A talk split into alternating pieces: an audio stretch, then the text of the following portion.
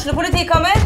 Ine Jansen er purk. Er du purk? The motherfucking bitch. Alt jeg vil, er å finne ut hva som skjedde med mannen min. Jon Carew. Er jeg sikta for noe? Iben Akeli. Det er du. Ole So, Lars Berrum og Big Daddy Karsten. Hvem sin side er du på, egentlig? Anette Hoff, Tone Danielsen, Kommer du fra Afrika? Jørnis Josef, Nesten. Kløfta. Trond Espen Seim, Det er synd å si det, men det var feil mann som døde. Purk. Premiere tirsdag på TV2 Play. Ungsamtalen fra DNB er økonomisk veiledning tilpasset deg som er ung. Bokk en ungsamtale på dnb.no. slash ung. Det er kjempebra hvis du skal inn på boligmarkedet! Hvis det er drømmen din, liksom. Det er det du skulle sagt. Og så kunne du ropt litt mer, da, sånn som jeg gjorde. Bam! Åh,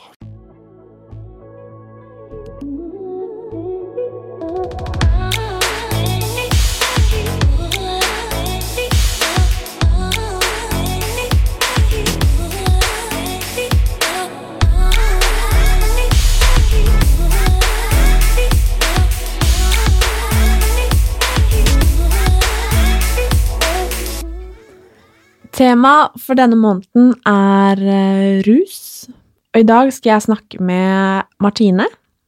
Martine vokste opp med rusavhengige foreldre, og sommeren før hun skulle begynne i femte klasse, flyttet Martine i fosterhjem. I dag skal vi få høre historien hennes, som handler om en oppvekst med både en mor og en far som er rusmisbrukere. Velkommen, eh, Martine. Takk, takk. For et fint navn! Ja, ikke sant? Enig. Ja, veldig. Åssen har du det? Jeg har det bra. Eh, litt spent, men jeg tror det blir, eh, tror det blir bra, altså. Ja. Det tror og håper jeg også. For vi skal jo snakke om hvordan det på en måte er å være pårørende til noen som, har et, eller som er rusavhengige. Og det er jo du. Ja, det stemmer. Kan ikke du begynne med å fortelle litt om hvem er du, Martine? Ja, jeg heter jo da Martine, er eh, 28 år, bor her i Oslo med samboeren min. Eh, Jeg er utdannet lærer, har jobbet som lærer på en barneskole, veldig fin jobb. Eh, Men i dag så jobber jeg i en organisasjon som heter Barn av rusmisbrukere. Eh, Og der jobber jeg jo eh, på bakgrunn av eh, mine erfaringer og, og oppveksten min, da. Mm. For du har eh, en eh, mamma som er eh, rusmisbruker. Ja. Du har hatt en pappa Ja, som også var rusmisbruker. det stemmer. Faren min døde da jeg var tolv, men han hadde også et rusproblem. Og mamma har fremdeles et rusproblem. Døde faren din på, på grunn av rus? Nei, han gjorde ikke det. Han døde av kreft. Ehm, han, ehm, han var i behandling, faktisk, i rusbehandling, ehm, da jeg var eh, ja, rundt elleve. Så første gang han var i behandling. Eh, men så fikk han da, egentlig nesten med en gang han var ferdig i rusbehandling, da, så fikk han, så fikk han kreft og døde veldig fort. Så det var jo, hva skal man si, uflaks. Nei da, det var jo veldig trist og leit. Men eh, ja, så han døde ikke av rus, da. Det gjorde han ikke. Ok. Hvordan på en måte begynte foreldrene dine med rus? Fant de hverandre gjennom rusen, eller begynte de å ruse seg sammen, eller hvordan var det? Ja, litt sånn eh, både og, kanskje. De hadde Så begge to hadde et rusproblem, eller ruset seg i hvert fall, da, lenge før jeg ble født. De var i et eh, ungdomsmiljø hvor det var mye bruk av, av rusmidler, og var litt sånn ungdomskjærester. Um, jeg er usikker på om de, om de tenkte på det som et rusproblem den gangen. Uh, det tror jeg ikke. Jeg tror ikke de så på det som noe stort problem. Um, men eh, da jeg var rundt Eller da de var, eh, de var ganske unge, da. Så jeg tror det var eh, da de var rundt 18 at eh, de fant ut at eh, jeg skulle komme til verden. Eh, Jeg var ikke, ikke planlagt, det kan jeg si. Men da, da de var 19, da, så ble jeg født.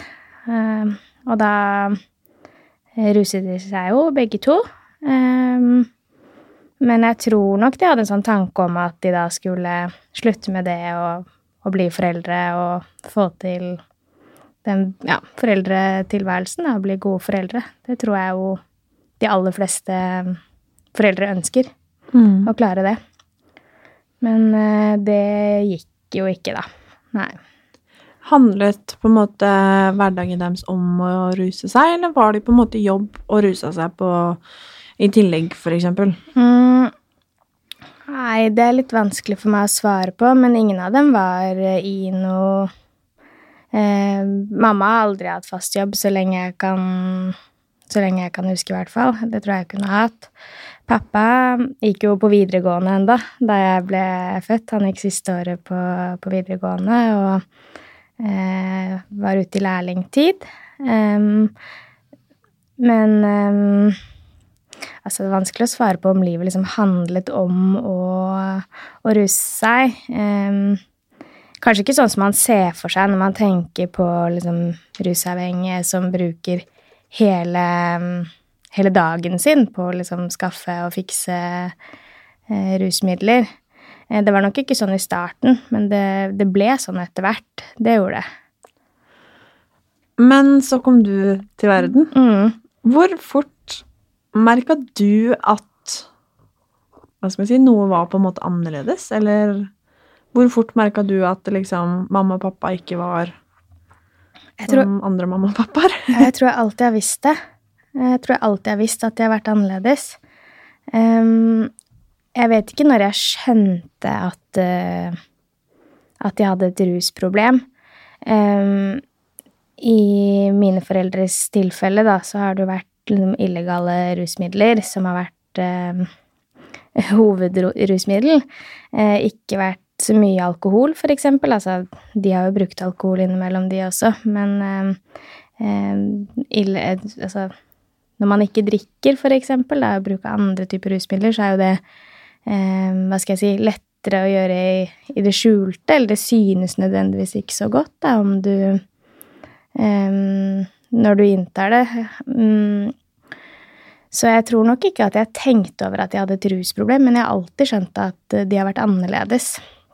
Og det er liksom vanskelig å sette ord på, men jeg tror det handlet bare mye om hvordan ting var hjemme hos oss, for eksempel. At eh, eh, fra tidlig av hadde en sånn Kjente på at ting var annerledes hjemme hos, hos meg. Uten å egentlig klare å sette ord på hva som var annerledes. Jeg tror jeg bare skjønte at vi ikke var en vanlig familie, på en måte. Merka du noen gang at på en måte mamma og pappa var rusa, liksom? Mm, Eller at de var annerledes? ja, altså eh, Etter hvert så skjønte jeg jo også at de var rusa, når det liksom kom på bordet jeg ble litt eldre. Eh, Men hvis vi liksom tenker på sånn barnehagealder og sånn, så skjønte jeg nok ikke at de var rusa, men mamma brukte amfetamin. Ja, egentlig da hele tiden mens jeg gikk i, i barnehagen. Eh, Og det er jo et rusmiddel som man kan bli ganske mm, eh, stressa av, da. Eller altså sånn eh, Man blir jo ikke sløv og sliten som man kan se for seg at man blir av andre typer rusmidler, men man blir sånn typisk gira, da. Så jeg husker jo for eksempel at eh, jeg ofte kunne våkne av at mamma ommøblerte stua midt på natta, eller at eh, Ja, som sagt, at eh, stua ble ommøblert liksom fire ganger i løpet av en uke. Eh, det, skulle skje, det skulle liksom skje noe hele tiden, da. Ehm, det var liksom aldri ro. Og jeg husker jo at for min del så Da jeg var såpass liten, så tenkte jeg bare på det som stress, at mamma var stressa. Og det kan jeg liksom huske at jeg som barn ofte sa til mamma sånn 'Nå må du ikke stresse så mye. Nå må du ikke være så stressa'. Og det er sånn som liksom sitter i meg litt sånn enda, at eh, hvis, eh, hvis andre rundt meg er veldig stressa, så blir jeg veldig lett påvirket av det, da. At jeg liksom tar opp andres stress veldig lett. Um, ja, så det var nok liksom for eksempel de type tingene, da. Ehm, det var også sånne ting som at um, jeg hadde veldig lite Det er litt sånn rar ting, men bare ikke rene klær, for eksempel. Vi bodde, vi bodde i en leilighet som vi, vi hadde liksom ikke vaskemaskin i leiligheten. Vi hadde liksom sånn vaskeri, som det er i en del eh, bygårder i Oslo. Uh, og da må man jo booke sånn time for å vaske, og det klarte mamma aldri å gjøre.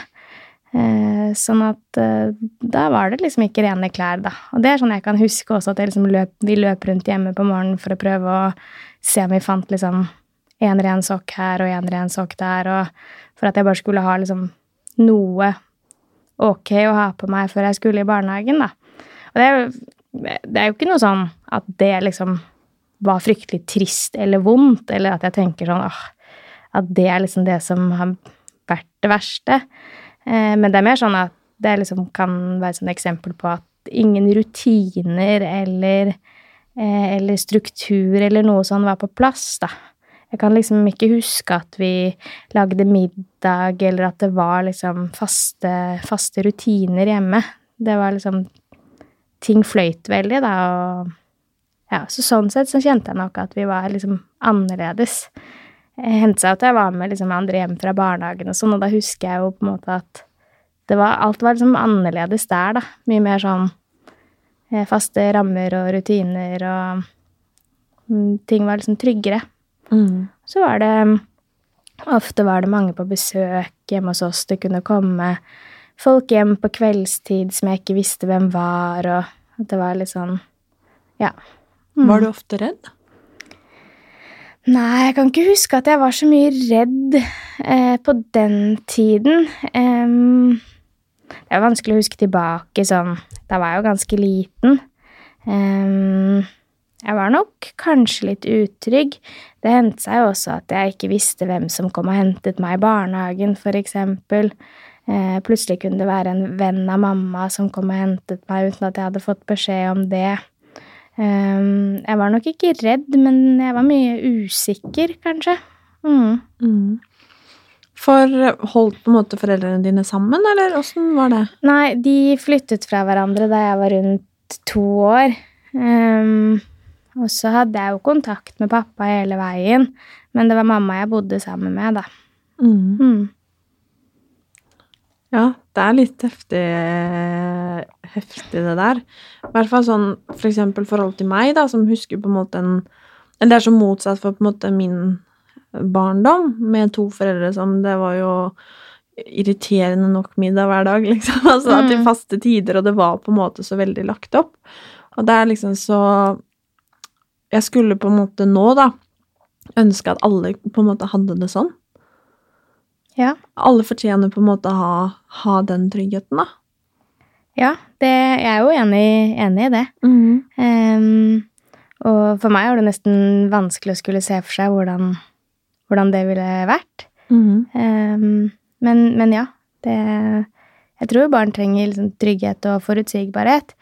Og um, ofte så får jeg spørsmål om ehm, ja, om jeg har liksom mange, mange vonde minner, om jeg var mye redd, sånn som du spurte om, om det um, Ja, ikke sant, hva som har vært vondt og vanskelig.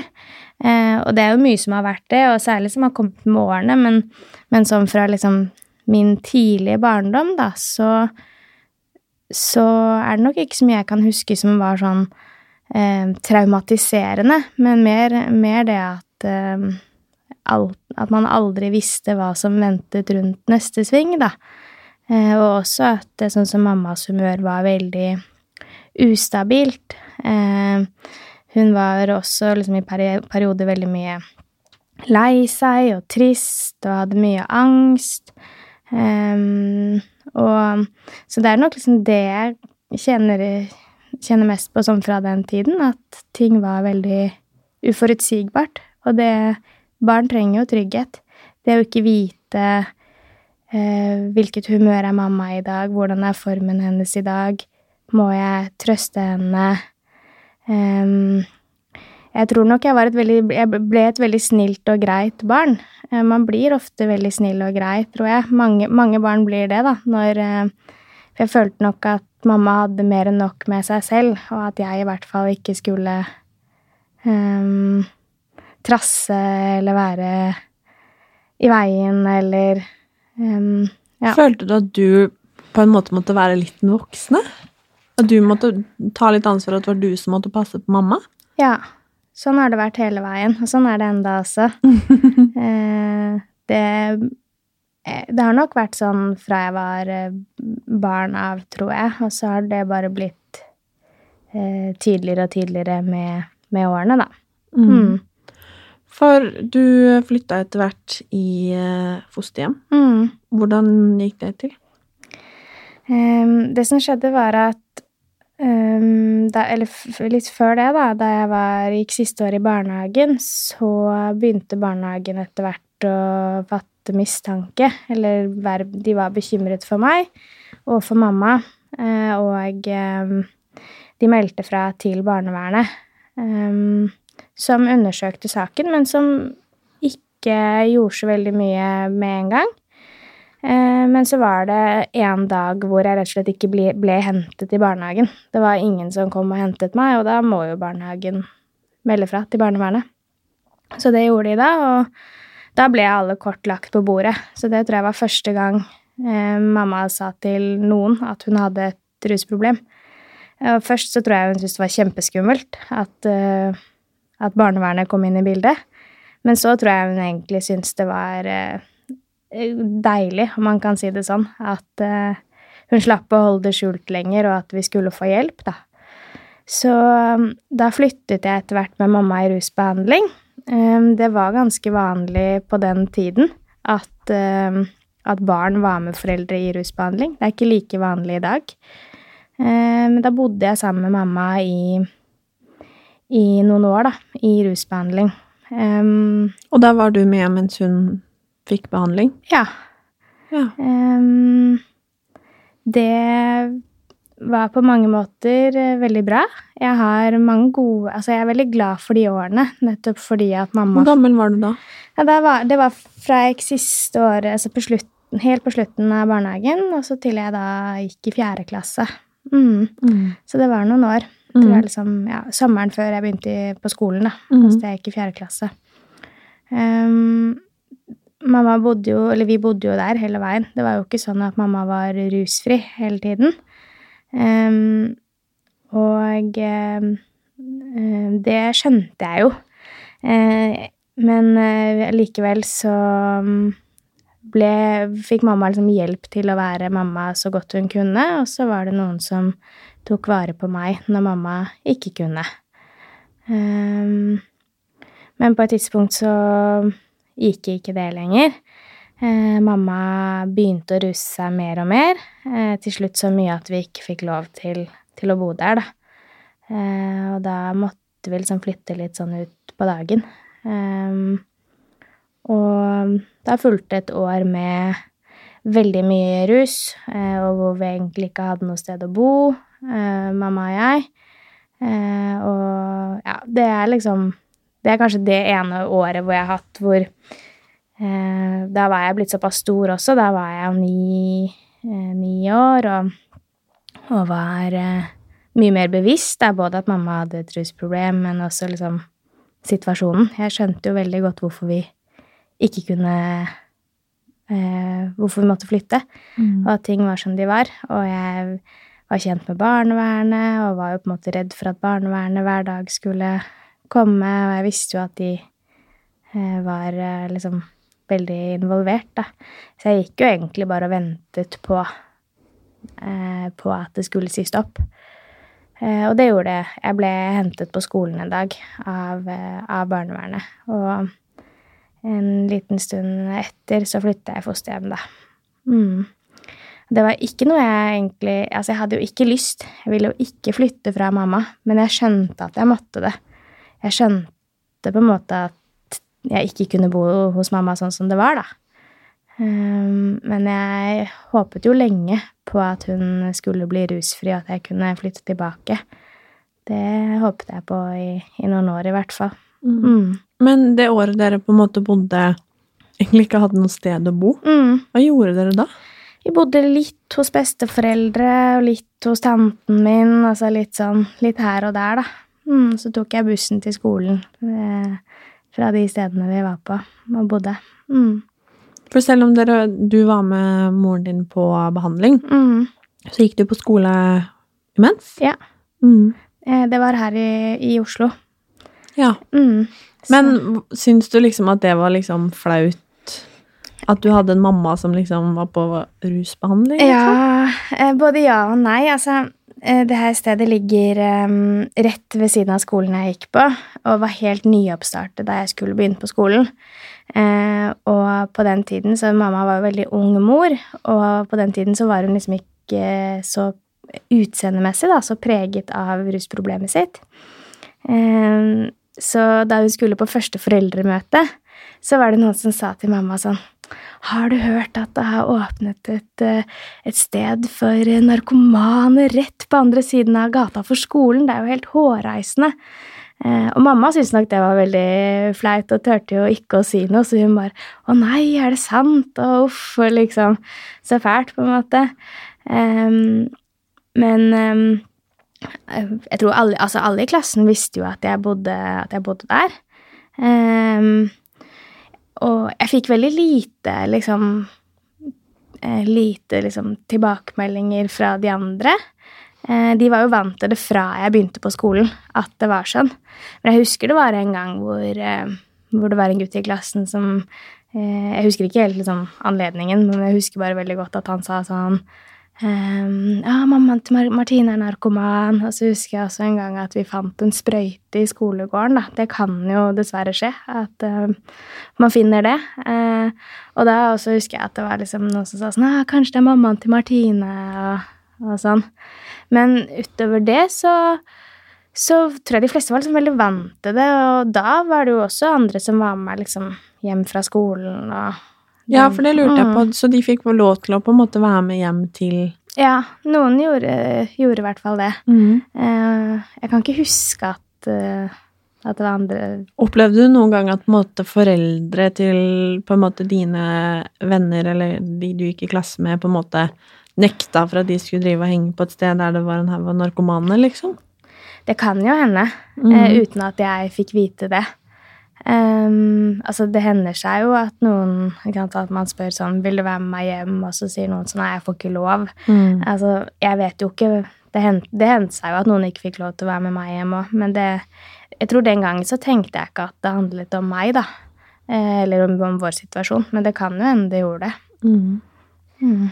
Så da bodde dere først på dette stedet, Mm. og så bodde dere et år eh, litt her og der, Mm. Og så ble du henta av barnevernet Mm. og havnet i fosterhjem. Ja. Hvordan var det? Nei, det var eh, Hva skal jeg si? Um, det var jo rart på et vis. Um, som jeg sa i stad, så hadde jeg jo ikke lyst, men jeg skjønte at jeg måtte. Jeg håpet jo i det lengste at jeg skulle bo sammen med mamma igjen. Um, det er rart å flytte til en familie som man ikke kjenner i det hele tatt. Jeg hadde eh, møtt dem kanskje sånn fem-seks ganger før jeg skulle flytte dit. Um, akkurat antall husker jeg ikke, men uh, jeg følte jo ikke at jeg kjente dem. Uh, men jeg, fa uh, jeg liksom fant roen der ganske raskt. Jeg um, slo meg liksom til ro. Begynte jo på ny skole, fikk nye venner. Tilsynelatende så var jo det meste liksom greit. Jeg tror jeg tilpasset meg veldig godt. Det er noe jeg har blitt veldig god til, da. Eh, Jeg er eh, veldig tilpasningsdyktig, eh, og det tror jeg følger av at jeg har hatt en oppvekst der jeg har vært nødt til å tilpasse, tilpasse meg mye. Det har ikke vært så mye rom for, for meg. Men egentlig var jeg veldig lei meg og hadde det ikke så greit. Eh, og følte vel uansett Altså, jeg kjente veldig på å ikke høre til. Fosterforeldrene mine gjorde jo det de kunne for at jeg skulle trives der, og, og jeg gjorde jo det òg, men jeg gikk med en sånn følelse av å ikke høre til noe sted, egentlig. Um, og så er det jo ikke til å komme unna at det er en Det er en veldig vond følelse. Um, og ikke kunne bo sammen med foreldrene sine lenger. Um, og jeg følte nok også på et vis, i hvert fall etter en stund, at de um, valgte meg bort. Uh, Til fordel for rusen? Ja. Mhm. Um, jeg klarte nok ikke helt å kjenne på at det var sånn jeg, jeg klarte ikke å kjenne på at jeg var sint på dem. Ikke før sånn lenge etterpå. Det er først jeg- etter at jeg ble voksen, at jeg liksom har klart å kjenne på, på sinne, da. Jeg var, har vært veldig sånn eh, Ofte så snakker man om at barn er så lojale overfor foreldrene sine, og mange vil nok si at jeg er lojal, eh, eller var lojal. Men jeg tenker at det handler mer om, om liksom kjærlighet, da, og at eh, det å liksom tenke på at de valgte meg bort, det, det, det, det kan man nesten ikke liksom tillate seg å kjenne på som barn, for det er så vondt, da. Um, men jeg syns jo Jeg var vel kanskje mest liksom sint på rusen. At jeg tenkte liksom Tenk at rusen har så stor eh, makt over foreldrene mine at, uh, at det gjør at vi ikke kan bo sammen, da. Mm. Hvordan var kontakten med foreldrene dine når du bodde i fosterhjem? Um, til å begynne med så var det en del kontakt. Begge foreldrene mine um, dro etter hvert tilbake i rusbehandling. Um, og det gjorde jo også at jeg tenkte at uh, Men nå blir de rusfrie, og nå kan vi snart flytte sammen igjen. Um, det som var em, kanskje noe av det vondeste, var at jeg ofte var altså sånn, Eller jeg var og besøk, skulle besøke mamma en gang i måneden. Um, det hadde det er liksom Man har sånn ja, ja, samværsrett, og det var samvær en gang i måneden, en helg i måneden. Men ganske mange av de helgene jeg skulle treffe mamma, så eh, dro hun fra det stedet hun var i rusbehandling da, eh, for å russe seg i stedet. Og det var nok liksom da Det var ekstremt vondt. Jeg hadde en sånn kalender hjemme hvor jeg liksom krysset av eh, eh, antall dager til jeg skulle liksom treffe mamma. Det var jo liksom en måned en dag, Ja, en helg i måneden. Og så fikk vi en telefon liksom sent torsdag kveld om at hun hadde Eller fredag morgen, til og med, så jeg fikk liksom beskjed om det da jeg var ferdig på skolen. At hun hadde dratt for å ruse seg, da. Um, og det var jo vondt, fordi at jeg savnet henne så mye. Eh, jeg er jo Jeg var og er jo veldig glad i henne. Hun betyr veldig mye for meg. Sånn at det, det Den helgen i måneden var jo noe av det jeg så aller mest fram til. Um, så etter hvert så gikk jo årene, og mamma begynte å russe seg mer og mer igjen.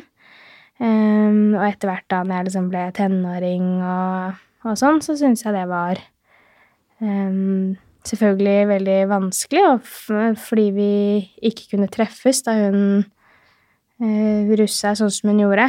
Um, men etter hvert så fant jeg jo smutthull og fikk på en måte dratt og besøkt henne eller møtt henne uten at verken fosterforeldrene mine eller barnevernet visste om det, da. Um, men ja, liksom ungdomsårene mine var preget av at mamma rusa seg. Eh, og jeg var jo ekstremt bekymra for henne. Jeg tenkte på henne hver eneste dag, og det er jo kanskje det som er vanskelig med å ikke bo med foreldrene sine. Det er jo at man, i hvert fall for mitt tilfelle, da, så sluttet jeg jo ikke å liksom tenke på henne eller bekymre meg for hvordan det gikk med henne.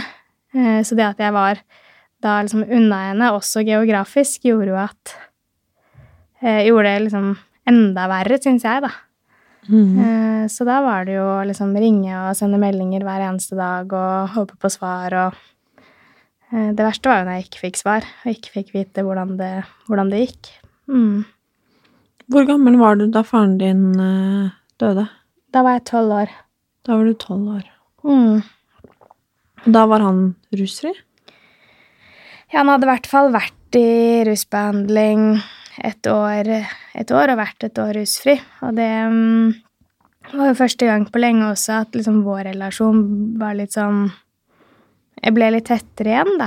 Um, um, så uh, jeg er jo glad for at vi fikk uh, liksom den tiden sammen, og da dro jeg også og besøkte han uh, da han var i rusbehandling. Det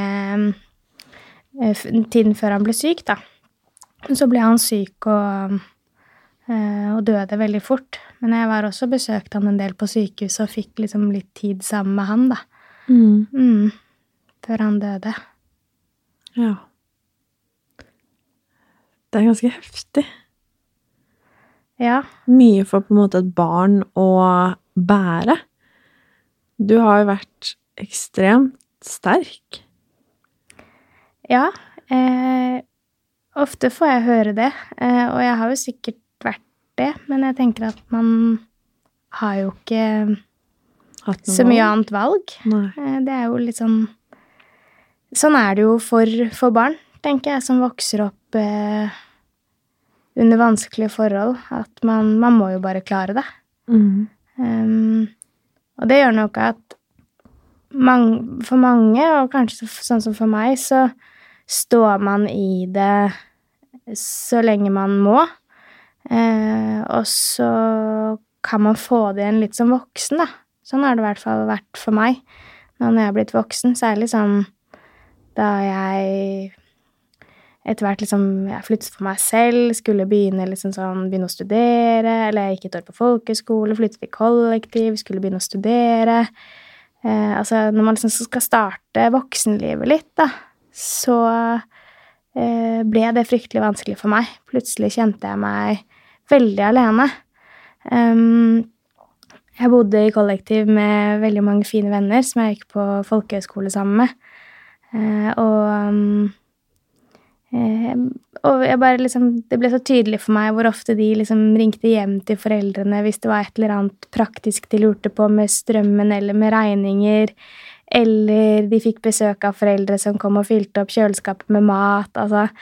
Eh, eller bare det derre åh, nå gruer jeg meg til eksamen, jeg ringer hjem til mamma, eller jeg drar hjem til mamma et par dager og slapper av og leser litt ekstra før eksamen, og så For meg så ble det så eh, tydelig at jeg ikke hadde noe av det, da. Um, da syntes jeg det var veldig sårt og trist, for i tillegg til at jeg manglet de tingene, så hadde jeg jo også en rusa mamma som eh, var en veldig stor del av livet mitt da. Um, jeg hadde jo vært vant til at det var barnevernet som satte grenser, altså fram til jeg var 18, så var det de som bestemte når vi fikk lov til å være sammen og ikke. Eh, og de sa som regel at vi ikke fikk lov til å være sammen da hun ruset seg. Eh, og så ble jeg 18 og flyttet hjemmefra og fikk bestemme selv. Og da tenkte jeg jo først at nå skal vi bare være masse sammen. Eh, og så skjønte jeg jo etter hvert at det ikke var så lurt, da. Em, da også havnet jeg i en sånn eh, Hva skal jeg si Et sånt mønster hvor eh, hvordan, altså hvordan jeg hadde det av Altså var helt avhengig av hvordan hun hadde det. Så hvis hun hadde en vanskelig periode og hadde det vanskelig, så hadde jeg det vanskelig. Eh, hvis hun hadde en litt bedre dag, så kunne jeg også senke skuldrene og liksom slappe av litt. Eh, jeg, det første jeg gjorde mm, da jeg sto opp, var å sende henne en melding eller ringe til henne. Hvis jeg ikke fikk svar, så eh, ødela det hele dagen min. Da jeg brukte jeg resten av dagen på, på å prøve å få tak i henne. Um, og klart at når man har det sånn, samtidig som man skal prøve å prøve å bli voksen eh, og liksom trygg og stå på egne ben, da, så blir det litt vanskelig. Mm. Men når du gikk på sånn som folkehøyskole og sånn, var du på en måte ærlig med folk hvorfor mammaen din aldri var der, liksom? Eh, ja, eh, og det var litt rart, fordi det var aller første gang jeg faktisk opplevde at jeg kunne eh, velge hva jeg skulle si og ikke. For da jeg eh, begynte på skolen, så visste jo liksom alle hvordan det var. Og da jeg flyttet i fosterhjem, så hadde eh, klassen på forhånd fått vite at ja, nå kommer det en ny elev i klassen, og hun het Martine har flyttet i fosterhjem. Eh, så jeg har alltid følt at alle har visst så mye om meg, da. Ehm, og da jeg liksom begynte, sånn som da jeg begynte på videregående og sånn, så begynte jeg jo også med liksom noen som kjente meg fra før av. Da var jeg litt sånn åh, det er like greit å bare få sagt det med en gang at jeg bor i fosterhjem. Altså sånn Det er ikke sikkert folk egentlig bryr seg så mye, men jeg følte at det var liksom noe jeg bare måtte få unna. Følte du deg annerledes på grunn av det? Ja, alltid følte meg liksom utenfor og annerledes. Um, Og så er det ikke sikkert at andre har tenkt så mye over det. Det tror jeg kanskje ikke. Men jeg har kjent veldig på det.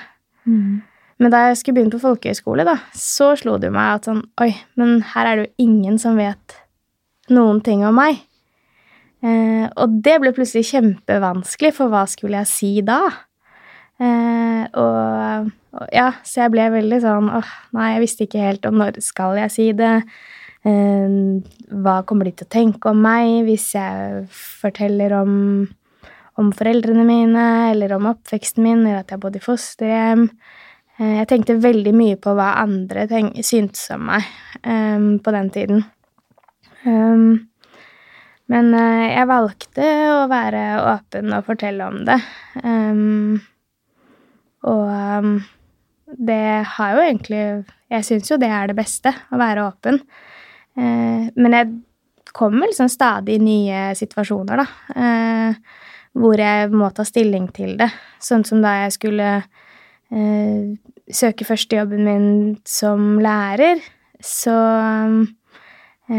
Så tenkte jeg at Altså, jeg, jeg jobber jo i en organisasjon nå som heter Barn av rusmisbrukere. Jeg har også jobbet frivillig der, da, i et samtaletilbud vi har eh, i en del år. Og så tenkte jeg sånn, skal jeg, skal jeg skrive det på CV-en at jeg jobbet der? Og så tenkte jeg, at da får jeg kanskje masse spørsmål om eh, Og bare det der at jeg var i tvil på om jeg turte å liksom ha på CV-en, at jeg har hatt den oppveksten jeg har hatt. Altså sånn Eller at jeg var redd for at det skulle bli spørsmål om det på jobbintervjuet. Eh, fordi at jeg da tenker Eller lurer på hva Ja, hva tenker de om meg da?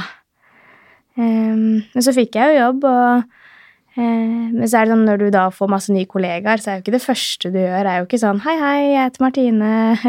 Jeg har eh, en mor da som er eh, rusmisbruker, og forresten så har jeg bodd i fosterhjem. Altså. Så det er jo litt sånn eh, Jeg husker at jeg sa til den kollegaen min da, da jeg jobbet der noen uker, da, og så, så sa hun sånn Ja, skal du noe gøy i, i helgen da, Martine? Og så sa jeg ja, jeg skal møte fosterfaren min. Så sa hun sånn «Eh, Hva sa du, bestefaren din? Nei, fosterfaren min. Å ja, har du bodd i fosterhjem? Ikke sant? Og da får man hele den, den eh, Stakkars deg-tallet. Ja, det kan, fort, det kan fort bli det, da. Så det er jo bare noe man må Det blir ofte litt eh, sånn Det blir ofte en sånn greie ut av det, da. Mm. Men hva skal jeg si, hvor lenge bodde du i fosterhjem? Jeg bodde jo da fra jeg begynte i femte klasse til jeg var 18, så det ble noen år. Ja. Så mm, Og da flytta du for deg selv da du var 18 år? mm. Ja. Eller jeg gikk et år på folkehøyskole, da. Mm. Så mm. Tror du på en måte valget ditt av yrke og det å utdanne deg til å bli eh, lærer og sånn, har noe med fortid... Eller historien din å gjøre? Ja, helt sikkert.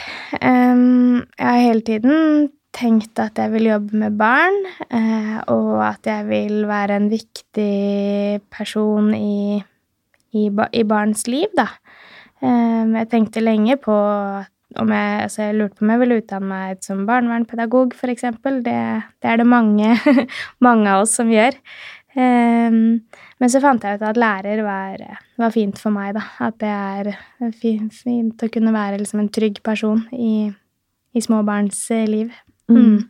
Jeg er så glad det finnes sånne som deg. Så bra. Hvordan har eh, på en måte Eller hvordan var relasjonen din til moren din fra du på en måte da var ferdig på folkehøyskole Mm. og egentlig fram til nå? Ja, det har vært litt sånn berg-og-dal-bane. um, som jeg sa liksom, da jeg flyttet hjemmefra, sånn, så tok hun veldig stor plass i livet mitt. Både liksom sånn faktisk, men også veldig sånn følelsesmessig. Det var det, var det som styrte mine følelser eh, også. Eh, på et tidspunkt så kjente jeg på at jeg ikke klarte Hvordan skal jeg si det? At jeg ikke klarte å liksom være meg, da. At det ble så tydelig for meg sånn Men hvordan, hvordan har du det, Martine? Eh, hvem, hvem er du? Eh, altså Hvis noen spurte meg sånn Hvordan går det med deg? Så svarte jeg nei, det går ikke så bra med mamma om dagen. Så altså eh, Eller hvordan går det med deg? Ja, akkurat nå går det ganske bra for eh, For eh, det går, går litt bedre med mamma nå. Altså at det ble så tydelig for meg at livet mitt liksom var helt sånn eh, hva skal jeg si, var styrt av, av henne, da. Mm. Um, og jeg skjønte nok kanskje at jeg måtte ha litt sånn avstand. Og jeg tror nok at mange i min situasjon har nok lurt mye på sånn skal man ha kontakt, eller skal man kutte kontakt? Um, og jeg har også vært innom de tankene, altså sånn på å liksom kutte kontakt. Jeg er veldig, veldig glad i mammaen min, hun betyr utrolig mye for meg, men uh, det er veldig vanskelig å forholde seg til en som er så uforutsigbar, og også ikke så kult uh, å forholde seg til en som er så rusa. Og nå har jeg jo ikke snakket så mye om det i detalj, men hun har jo russet seg veldig mye, uh, og det er jo noe med at når den du bryr deg mest om, er rusa hver gang man møtes, så er det Det er veldig slitsomt, da, og vondt og sårt og vanskelig. Um, Hvordan har hun på en måte oppført seg overfor deg? Um, stort sett så Altså, jeg tenker sånn Vi har en liksom relasjon som er preget av liksom, kjærlighet fra begge sider. Og hun er jo veldig glad i meg og har aldri vært noe sånn Hva skal jeg si sånn stygg eller slem, eller i hvert fall ikke med hensikt. Eh, men hun kan være ja, veldig vanskelig Jeg vet ikke helt hvordan jeg skal si det. Det er vanskelig å forklare hvordan det er å forholde seg til en person som er rusa, da. Men det er eh, ofte veldig slitsomt og krevende. Ja. Mm. Um, så Pluss at det har vært mye liksom, bekymring for uh, alt fra Ja, altså hun har jo hatt flere overdoser, uh, sånne type ting, da, som jo Hvordan er det å være pårørende og på en måte få den beskjeden? Um, ja, si det. Det er jo selvfølgelig veldig, veldig vondt. Um, men det er jo noe, noe, jeg går rundt ikke å tenke på hele tiden lenger. Før gjorde jeg det. Så jeg gikk og var Hver gang det kom en ambulanse forbi, så tenkte jeg at uh, nå, nå, er mamma død. Um, nå gjør jeg ikke det lenger. Men, uh, men jeg men jeg har nok en sånn bevissthet om at eh, det kan hende hun også dør ung, på en måte. Altså sånn Så ja. Man blir Man, man preges jo av det. Men det er nok også noe av grunnen til at jeg på et tidspunkt ikke valgte å kutte kontakten, men valgte å sette noen grenser, da, om jeg kan si det. Jeg sa til mamma at når du er så rusa som du er nå, så klarer ikke jeg å, å treffe deg, for eksempel, eller eh, Hun har jo også strevd veldig mye psykisk og i perioder ikke vært på en måte seg selv, eller vært veldig, veldig, veldig deprimert, eller hatt veldig mye angst, eller ikke ønsket å leve lenger, og gitt veldig uttrykk for det, da. Og det er ikke så greit å være um, Selv om jeg har vært voksen, så er jeg jo fortsatt liksom barnet til mammaen min, og det er ikke så greit å være barnet og måtte liksom forsikre foreldrene om at uh, jo da, mamma, jeg ønsker at du skal leve, du må altså være den som på en måte skal ha ansvar for at uh, foreldrene dine ikke tar livet sitt, for eksempel. Um, de tingene der kjente jeg at ble litt sånn Jeg kunne ikke ha det så tett på meg. Uh, sånn at da Da satte jeg noen grenser og sa at uh, jeg, velger, jeg vil ikke kutte kontakt. Jeg sier ikke at vi ikke skal ha kontakt. Men vi kan ikke eh, ha kontakt sånn som det er nå. Um, og hvis du Det er bedre at du ikke har kontakt med meg når, når du har det sånn som du, når du har det så vanskelig som du har det nå, eksempel, så kan vi heller snakkes når ting går litt bedre, eller um, Og i, i begynnelsen var det kjempevanskelig, da vi ikke hadde så mye kontakt, for hun, jeg innså da også hvor liksom stor plass hun har tatt i livet mitt, da. Så når det plutselig ikke var der til daglig, så ante jeg jo ikke hva jeg skulle bruke tiden min på, eller um, Ja, det ble som et sånt uh, tomrom. Mm. Nesten litt sånn som av kjærlighetssorg, på en måte. At man føler liksom sånn åh, hvem er jeg uten denne andre personen som har vært en så viktig del uh, av livet mitt og hverdagen min, da. Mm. Um, Men eh, vi har jo fortsatt kontakt, og det, jeg så henne bare for, eh, for noen uker siden. Um, og det går jo fortsatt veldig opp og ned med henne. Uh, men hun har også Men hun tar ikke kontakt med meg på de dagene hvor ting er som aller verst, da, eller når hun er aller mest rusa, på en måte. Mm. Hvordan på en måte du, Fordi du har jo samboer og sånn nå. Mm. Hvordan presenterte du det for samboeren din? Jeg husker nesten ikke hva jeg sa sånn Akkurat hvordan jeg presenterte det. Jeg tror jeg sa sånn eh, litt og litt, kanskje. Um, det er jo noe med at uh, når man treffer Nå har vi vært sammen en del år. Um, men det er jo noe med at når man er liksom sånn forelska og vil Kanskje sånn før man blir sammen og sånn, så vil man jo veldig gjerne at den andre personen skal like deg, og, og da kjente jeg veldig på det der at åh, hvis jeg liksom fortelle hvordan eh, hvordan ting er, så kanskje han syns det blir liksom for mye.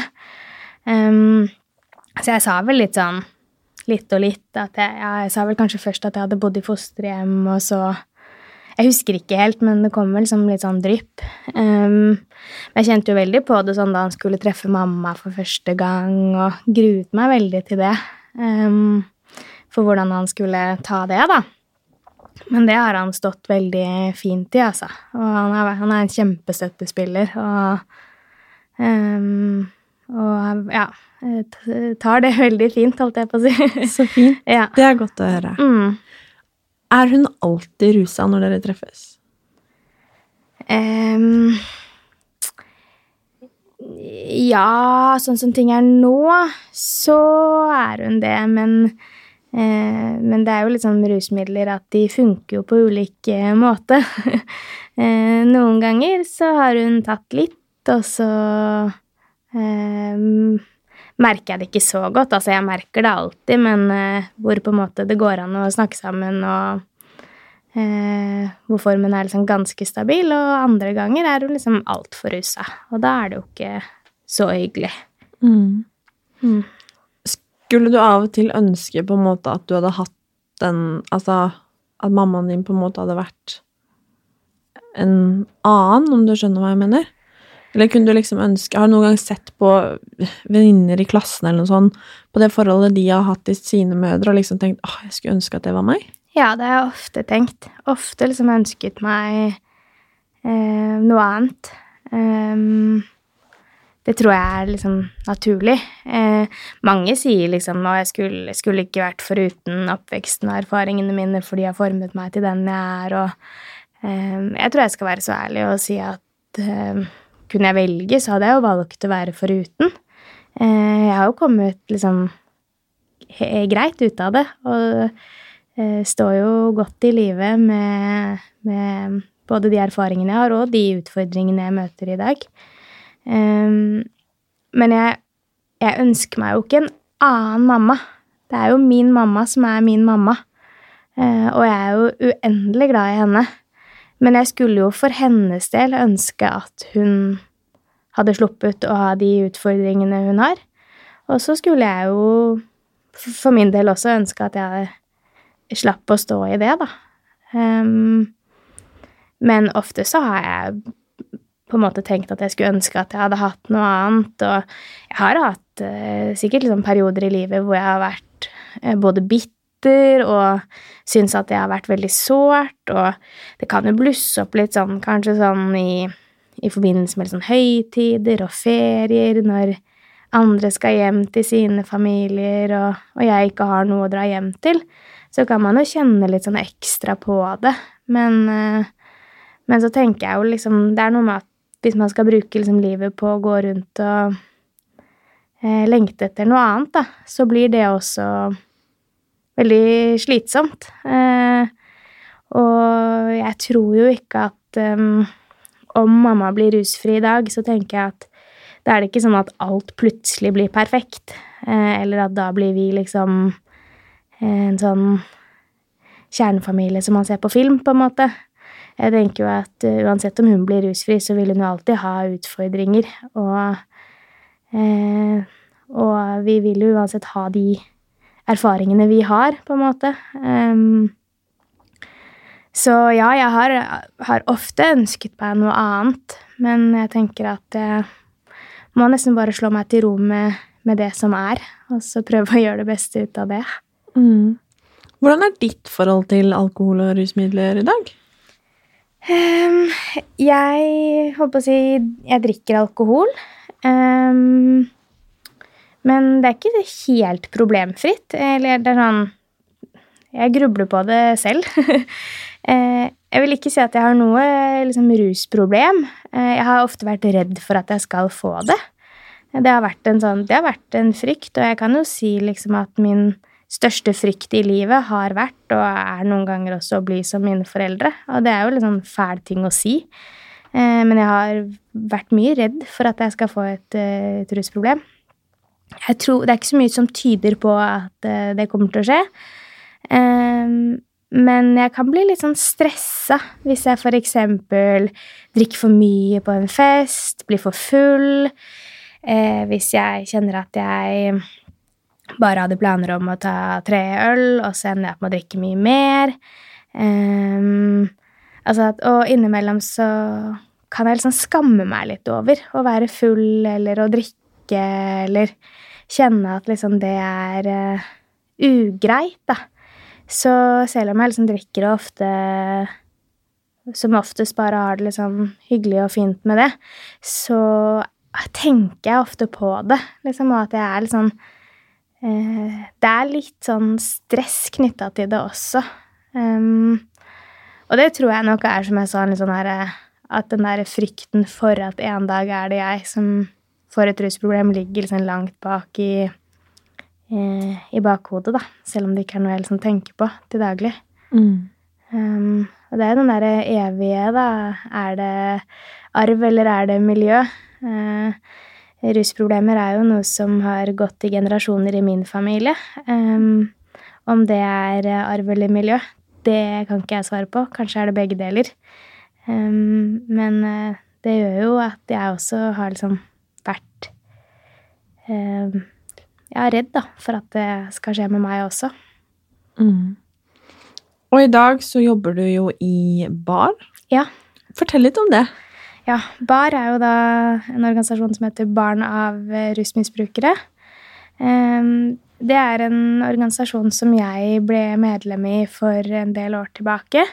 Der har vi et nettverk for voksne barn av rusmisbrukere, da, eller fra 16 år og oppover, som samles eh, i hvert fall årlig. Det er veldig Eh, for meg var det veldig sånn rart første gang jeg var med der. Veldig fint, men der er vi jo liksom en gjeng med folk som er veldig forskjellige, men som alle har det til felles at man har foreldre som har rusa seg på, på en eller annen måte, da. Noen på alkohol, noen på andre rusmidler. Eh, noen er åpne om sine rusproblemer. Andre foreldre holder det veldig skjult. Um, men eh, det der at man kan treffe folk som har, um, har lignende erfaringer som en selv, det har vært veldig um, nyttig for meg. Uh, ofte så har vi jo opplevd veldig mye ulikt, men følelsene vi kjenner på, er ofte ganske like. Så det å bare kunne treffe og snakke med noen likesinnede, hvis man kan kalle det det, har vært veldig ok. Så jeg ble med der først, i det nettverket, og så begynte jeg etter hvert å jobbe i et samtaletilbud som vi har, som heter Barsnakk. Eh, som er en anonym chat på, på nett, hvor eh, eh, det er stort sett ungdom og unge voksne som tar kontakt med oss. Eh, man er jo som sagt helt anonym og kan snakke om det man vil knytta til rus eller, eller andre problemstillinger. Man måtte ha det. Uh, og nesten alle som sitter på chatten, da, som, er, uh, som, jobber på chatten, har vokst opp med rus selv. Så der også kan man um, snakke med, med, med, oss, da, hvis man vil det. Og det er veldig mange som tar kontakt med oss. Det, Hva sier de, liksom? Det varierer veldig. Uh, noen er, skriver inn og er veldig bekymret for foreldrene sine. Altså, noen er jo liksom 13-14-15 år og er veldig bekymret for foreldrene sine, eller snakker om at de har det vanskelig hjemme. Eh, noen er bekymra for eget rusbruk. Eh, andre Og det er også mye følelser.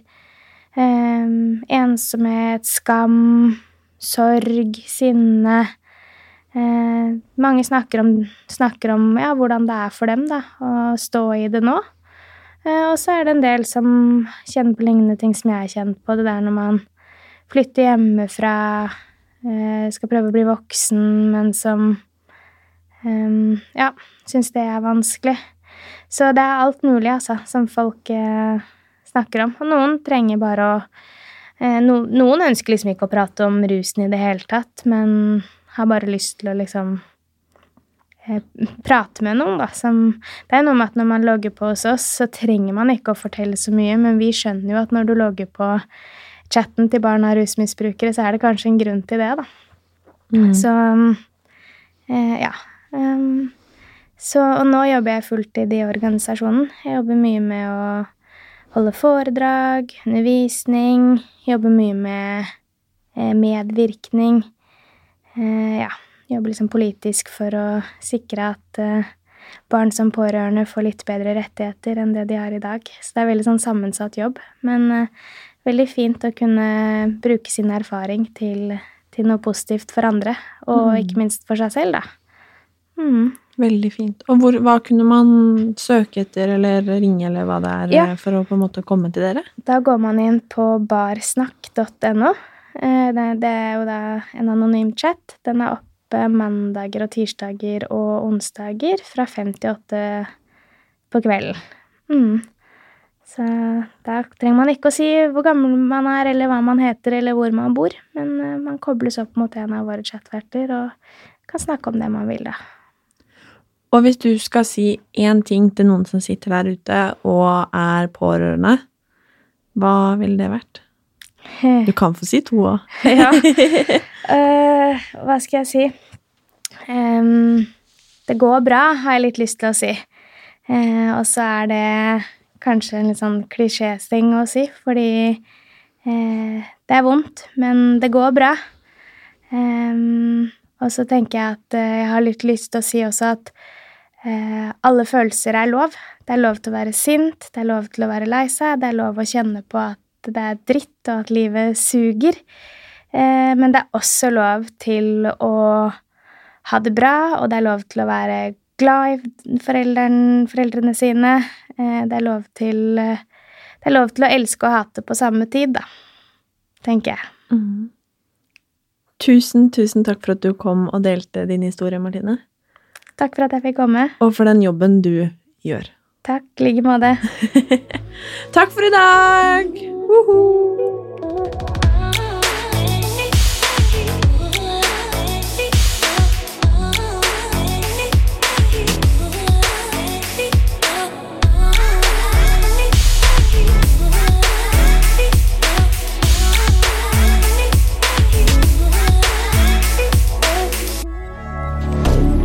Moderne media.